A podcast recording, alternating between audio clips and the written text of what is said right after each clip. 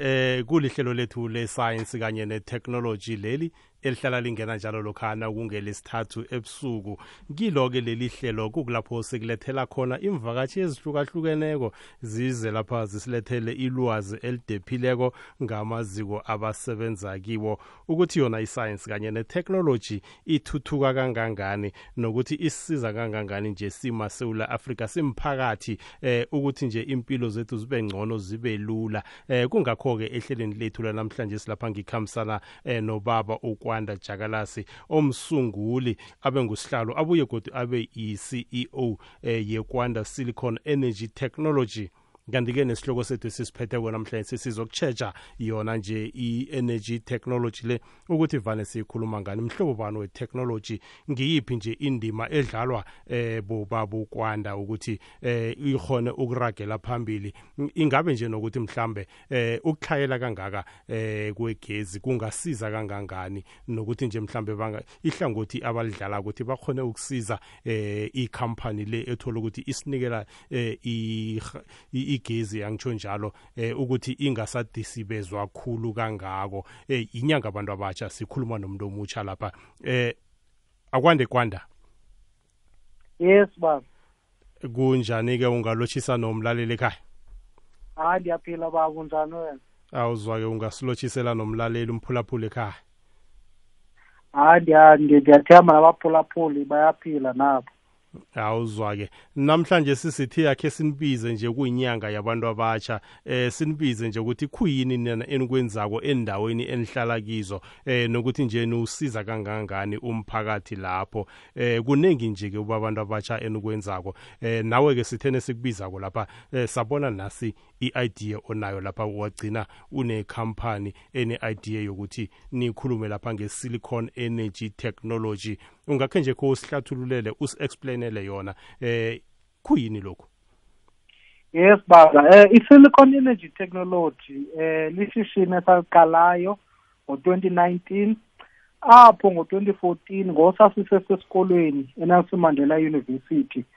Eh if uyakhumbula ngo-2014 eh kungona i-load shedding yaqala uba ngamandla. So saye ke si-affected as students ngela xesha. Eh sacinga isisombulule eh ezasincedisa ezabafundi. Eh so senza into esithi yi-meter generator uh where basically it uses solar power ithatha imitha yelanga iconverte into umbane. So igcine lo mbane ebhetrini.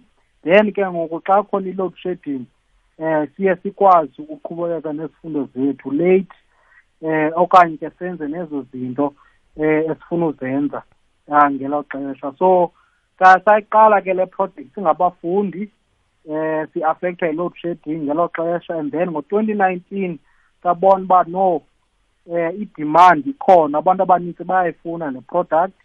Eh sake saqala ishishini lithi silicon energy technology eh whereby senza ke ngoku ezi generators ze-solar uh, and also senza nezinye uh, i-renewable energy uh, uh, projects such as uh, wind which is kwenza umbane ngomoya uh, i-biogas which is ukwenza uh, umbane nge-waste product such as cow manure okanye uh, sisebenzise umbona uh, and also uh, we do as well uh, i-solar installations normal solar installations whereby siye sifake i-panels inverters nama-battery uh, kwi-households okanye kwi-businesses ezifunayo either for an off-grid uh, usage okanye ke umntu xa ifuna useva umbane okanye xa ifuna eh ukuphepha kwi-load shedding ngelo xesha. Mhm ngendlela oyihlathulula ngayo lapha eh ngithi ngisazokubuza lapha ukuthi yini okwenza ukuthi nibe na idea le kodwana nakuse uyihlathululile lapha eh okhunye nje ngithi mhlamba khe ngikufake ngaphasi kwakho lokho bese ukuhlathulula ukuthi kuhle kuhle eh nasithi siyacheja nje yini lokho enifuna ukukuzuza yini lokho enifuna ukuku-achieve eh ngayo nje i-silicon energy technology eh nokuthi igama leli silicon eh energy nilisusela kuphi yes. Eh igama elithi silicon eh isilicon eh baphulaphuli yi-material e, eye isetyenziswa xa kwenziwa isolar.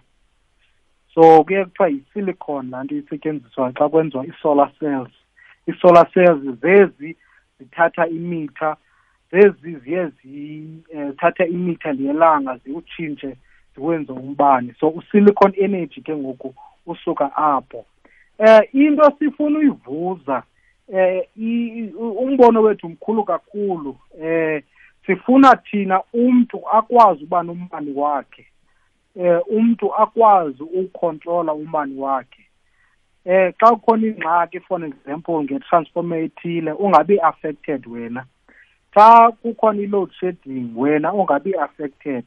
Xa ngukombani kuloo lali wena uye ukwazi ukuba ufumane umbane so yinto sifuna izuza leyo we want to move away for from i-system ecentralized whereby u-escom udictator iprice uba iprice yombane izawuba yimalini edictate iprice awudurise awudurise but ii-services um zingakwazi ukumelana um ne-usage yombane walapha esouth africa. So sifuna ke ngoku umntu azimele ngombane wakhe akwazi ugenerata umbane wakhe akwazi usebenzisa lo mbane kwizinto apho eh, eh afuna ukusebenzisa nguye for free.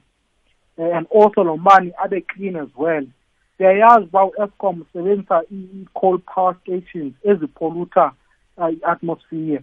So isolar ke ngoku wind and biogas are, are, are there so that we can use umbane oclean which is called clean energy or renewable energy whereby uh, lo mbane lo does not uh, contribute uh, kwi-carbon dioxide e-atmosphere sayazi ke i-carbon dioxide le uh, iye kwi-ozone irise ii-temperatures uh, i-global temperatures whereby sibona ke ngoku imozulu imbi kakhulu um kwenzeka ezi disasters zenzekayo ko-k z n uh, it's because of uh, uh, because of into i-pollution which is the rising of, of, of temperatures emoyeni so sifuna uzi-eliminate zonke ezo zinto but most important yeyona into ebalulekileyo sifuna umntu akwazi uba uh, azimele ngombani wakhe. Mhm. Lapha ngiyakuzwa nje uthi ufuna sifuna eh nanyana umnqopho omkhulu wenu ukuthi eh ilunga elinye nelinye nje lomphakathi eh nifuna ukuthi lizimele lizijamele eh usho njani la? Eh ngitsho njalo uba eh yabona ngoku for example umbane osusebenzayo eh uconnected eh it's it's it's it's it's a centralized system whereby it's controlled by i-monopoly engu-escom eh i-danger yaloo nto leyo is that u-escom xa inyusa ii-prices wena ezumphulaphuli awunayo i-option but to comply because awuzuba nambani kanti xa sifika thina sikufakela isola there are two things ezingenzeka zimbini into ezingenzeka. Eyokuqala uyakwazi ukhupha uphume ku-escom eh usebenzisa isola meaning wena awuzubhatala mbani and also azo-affecta yi-load shedding. Okwesibili uyakwazi usupplementa umbane osupply ngu-escom umsupplemente ngombane wesolar so that eh ungathengi umbane omningi usave eh ekuthengeni umbane for example if uqhela uthenga umbane we-hundred rand ngenyanga eh xa ingenile isolo ufumanisa uba uzothenga umbane only forty rand meaning la sixty rand yonke yombane isupplementwe yisolar okanye wena unga-affectwa yi-load shedding um xa imkile umbani wena uqhubekeke ulayite because you are independent from the grid uyazigeneratela ngokwakho umbane. So yiyo loo nto ke ngosisithi sifuna umntu azimele akwazi uproduce umbane wakhe.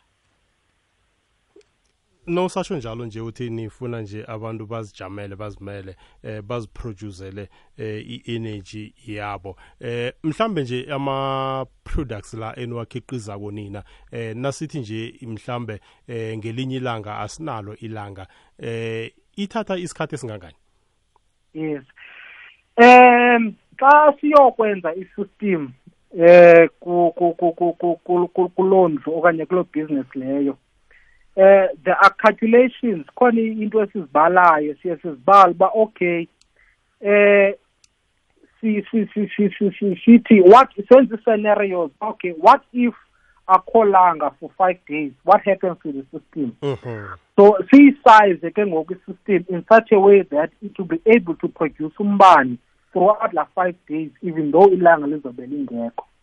For an example isolar xa isebenza ayisebenzi yodwa only it works with ama-battery uh, it also works with into ekuthiwa i-inverter abantu abaninzi bayazi as i-converter. So for an example if eh xa ngokho langa usebenzisa ama-battery ayi-four just making an example. Eh siyakwazi ke ngoku ubala sithi okay in a scenario whereby akuzubakho umbane for five days. Masi-add two more batteries or three more batteries so that you are able to uba akhavarishe la mini apho ungazubakho langa so ziyathatha into consideration zonke ezo zinto so that ii-clients at all times uh, ziba nayo umbane. Mhm. Usehlathulula njayo nje nesikhuluma eh ngesola. Bese ke kodi kube nalo umhlobo omunye eniqalene nawo we-wind eh energy. Ingabe wona nje mhlambe eh in terms of ama products nanyana ukukhiqiza kwako nokuwenza eh ama eh angithi nje ama equipment wawo ayafana nalawe sola eh iwind eh yohlukile kancinci ngoba yona isebenzisa umoya eh so kuwindi kukhona i-blades ezikhoyo eh okanye uphephela abakhoyo pha whereby bajikeleziswa ngumoya. So kulaa generation yojikelezisa eh then la esaspin is converted into umbane. Eh so from there kukhona into okuthiwa yi-wind eh charge controller whereby uh, iye i-charge ngoku ama-battery and then eh kube khona normal inverter ezathatha umbane from ama-battery iwasendlini so the only thing eyohlukileyo ku-wind than isolar yilaa nto itshajisa ngayo. Isolar inento yotshaja yayo ne-wind inento yotshaja yayo. But from i-inverter eh nama-battery ayafana. So umahluko ulapho. And also i-wind ine-limitation ba yoba xa kungakho moya eh ayikwazi usebenza so yona iye ifune ufakwa kwindawo apho kwaziwayo uba umoya akanqabanga khona. Mhm omunye umhlobo nje eninawo ngilo we-hydro eh ungakhikho usihlathululele ngawo nje bese eh, uyimadanisa nale imbili esewukhulume ngayo. Yes. Eh i-hydro yona baba nabaphulaphuli. Eh i-hydro basically eh usisebenzisa umbane i mean amanzi eh asuka edamini. So lamanzi ehle umfula mos yehle umfula. Uh, so eli dam lidesigner in such a way that uh, xa isehla lo mfula ispeed samanzi sizaba sispeed esithile esizakwazi uyojikelezisa into ekuthiwa zii-turbines um ezobe zibekwe qelele emfuleni. Ezo turbines ezi njengoba amanzi eflow okanye amanzi ahamba um aye aphushe ezo turbines jikeleze. And then from there kuye kwenzeke umbane. Uh, i-wind ke uh, is uh, future goals. Uh, zizinto esinqonela uba sikwazi uzenza in future because zona for i-large scale application meaning that awukwazi ungumntu uthi hayi ndifuna i-hydro i-hydro electric generator. Uh, but xa uyi-community uyakwazi ukwenza njalo. So siyibonela as a bigger project uh, apho we can uh, try and sizame ukuconvinsa uh, i-communities ilali uba zithethe norhulumente zibaprotyolele le-hydro power station uh, via silicon. So zona we're not doing it for abantu one by one but uh, we can do them for i-communities le ye-hydro khulukhulu ikhulumisako le eh i-sustainable kangangani nje? Ngombana eh nesithi siyachecha nje ukhulumisa ukuthi kaningi isebenzisa amanzi. Eh isewula mm-hmm. afrika nje mhlambe sekungenye yenarha uthola ukuthi amanzi ayahlayela khulukhulu. Eh mm. niyibone njani? Eh nayo iyakhethwa uh, msasazi iyakhethwa kakuhle uba yeyiphi indawo apho izawuba sustainable kakhulu. So ayifakwa noba phi eh iyakwazi ukukhethwa. Also eh i-sustainable because eh kuye kwenziwe idami so azivezi ifakwe ezo turbines eh emfuleni. Kuye kwenziwe idami elikhulu elidami elikhulu lingathatha iminyaka elithile yoba ligcwalise and then from there ke kukhutshwa amanzi uh, kancinci ngevelocity ethile okanye ngespeed esithile so that it can turn as a turbine. So xa ujonga icycle ye-drought for example um uyafumanisa uba ayibi affected kakhulu. Uh, for example even though apha esouth africa sine-drought eninzi but ii-hydro electric power stations ezikhoyo zibe affected kakhulu because ezo zinto when designing eladami they were taken to account uba maybe okanye for four years akuzibakho manzi so masilibhide maselokhe elidami ngesize ethile so that it's able uh, to, to, to, to, to, to, to produce esa stream uh, for a certain number of years without complete rain. So ezo zinto as uh, engineers uh, siyazibala take them to account so that nalapho uh, umphulaphuli uh, akakho affected uh, i-sustainability yayo. Enye ke yogcina lapha eniyikhulumisa khulu yi-biogas eh ungakhe nje kho sihlathululele yona ukuthi yona isebenza njani eh isebenza pheze nje mhlambe eh njengamalahle kodwana in this case uthola ukuthi kusebenziswa nje umsuqwa umsuqwa. Yes. Eh i-biogas eh yona thatha umsasazi eh i-biogas eh ine-sources eziningi but eh uyenza lula nje. It's waste product. Eh so xa ulahla ukutya kwakho eh let's say ulahla amaxolo ebhanana okanye ulahla ukutya kwakho irayisi okanye ulahla loo nto uyilahlayo okukutya organic. Eh ziye zikolekthwe ezo zinto eh zisiwe kwi-biogas digester. Where le biogas digester iye ifakwe into ezithile to produce into ekuthiwa yi-methane. Now le methane lena basically yi-gas. Uh, but it's different from i-gas eisuka kwi-fossil fuels even le gas esithenga uh, ezishop but it's still the same gas. So le methane iye ke ngoku ifakwe kwi-engine um khona kuthiwa i-biogas engine iye ifakwe kwi-engine whereby now it produces electricity just like imoto if abantu bayayazi imoto imoto kufaka ifuel ethile and then loo fuel leyo isiwa iya-ignithwa eh kwi-combustion chamber apho ii-pistons zemoto ziye zinyuke up and under ujikelezisa eh amavili emoto so le biogas isebenza exactly like that but ke uh, on a bigger scale uh, and then nayo eh ikhombaswe eh kunyuka i-pistons then ezo pistons ke ngoku zigenerator umbane.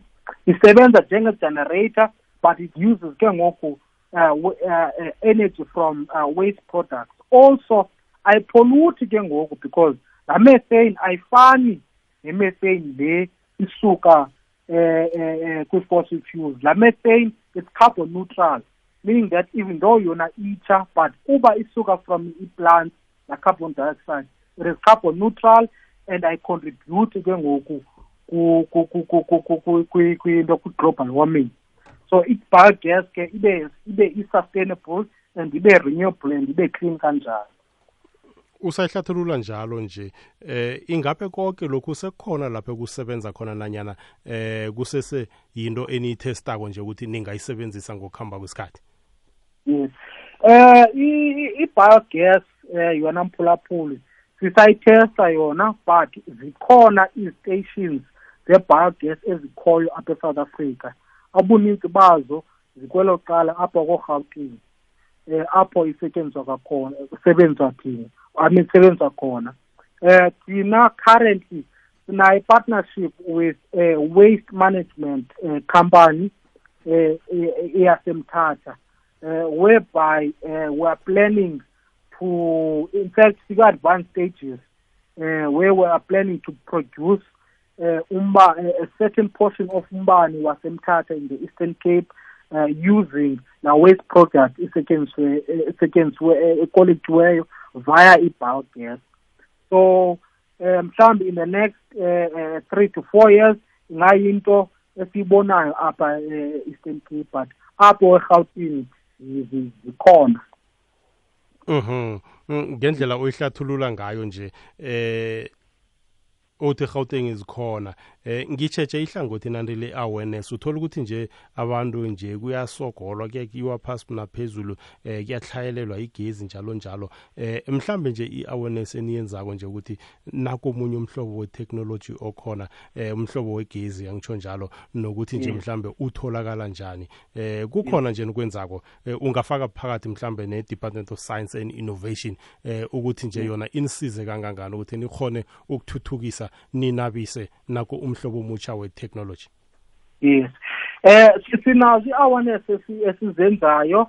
Eh abantu abafuna uzibona ezo awareness eh, can go to our social media pages eh, eh ku Facebook na ku Twitter na ku Instagram basearche uSilicon Energy Technology okanye bangakhangela igama lam on Facebook Kwanda Jakalase uh, J A K A L A S E surname. Uh, whereby they can add me as a friend banibuze imibuzo and also abo bafuna eh ukufonela ikhampani bangasifumana eh kwinamba yethu enzayibiza apha ekugqibeleni eh but eh ku Department of Science and Technology eh uyasingenelela because uyas expose ebantwini eh uyas expose ebantwini number 1 okwesibini eh usi usi expose kwi-investors uh, abantu abafuna ukutyala imali kwezi project zinje so uyasinceda kakhulu department of science and technology apho. Okwesithathu uh, uyasincedisa ngokwenza uh, i-products uh, uh, zethu uh, for testing uh, for compliance uh, making sure that ezi products izenzayo zi-safe um ziyakwazi ukusetyenziswa um luluntu. So uyasincedisa kwezo zinto um and also um using ii-partner zakhe um uyasimentorishe as, as well uba um ishishini silirana njani. Um zintoni esifuneka sibe nazo as, as, as, as, as, as, as silicon in order for sikwazi um uku-employa uh, abantu in order uba sikwazi ukhulisa le business. Eh so abantu abafuna undifonela okanye bafonela ikhampani bangandifumana ku-061 uh, 539 1669 that is 061 539 1669 jabulela sasa mhm. Nasele nje mhlambe sikhamba kancazana sichinga ngokuyisongeni eh uyakhuluma lapha uthi eh ni company eh okwanje? Iyasebenza inabasebenzi abangangani eh nokuthi nje amathuba womsebenzi ngokukhamba kwesikhathi eh ningawusiza kangani nje umphakathi eh ukuthi nani ni contribute eh ekuraheni umhlakho yes.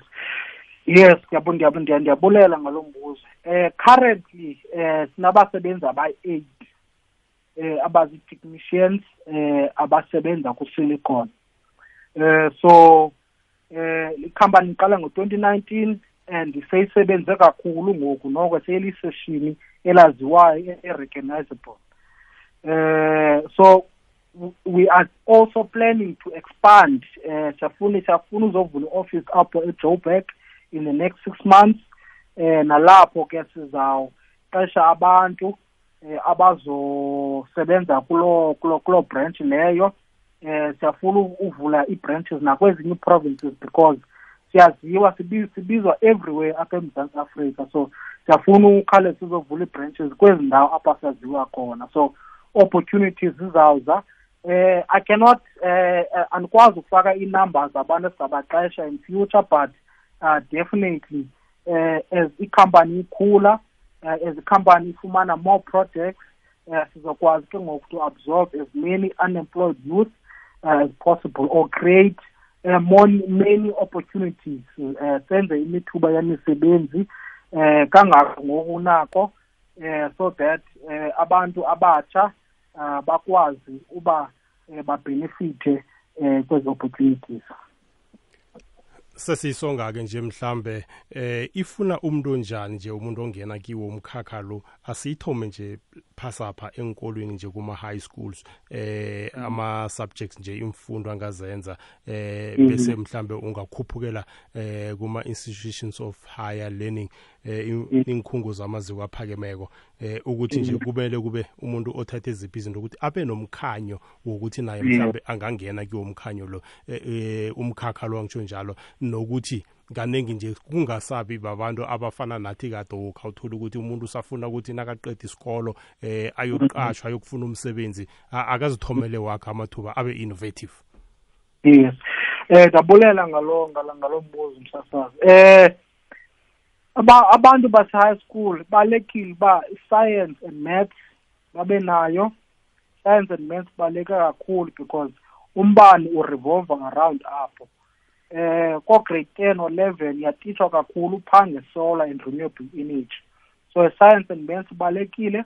Xa usiye university eh you can choose eh an engineering field uh, engineering field uchuzayo uh, mostly uh, you can choose electrical engineering you can choose mechanical engineering uh, you can choose electronics mechatronics engineering. Uh, you can also do a bit of civil engineering as well. It's solar new wind, uh, ne-biogas zikhona phaa uh, you can also do industrial engineering. So engineering as a whole uh, umuntu uyakwazi industry and also science uh, bsc science uh, but zezo nezo ezakwazi ukukufaka then from apho zikhona i-certificates umuntu uye azi afunde post uh, university uh, one of them kuthiwa i-green card certificate uh, whereby uyawufundiswe ke ngoku nge-compliance yesolar uh, so that loo solar uyifakayo ikwazi uba semthethweni uh, umthetho ogabenishwa um ngurhulumente um kwezombane.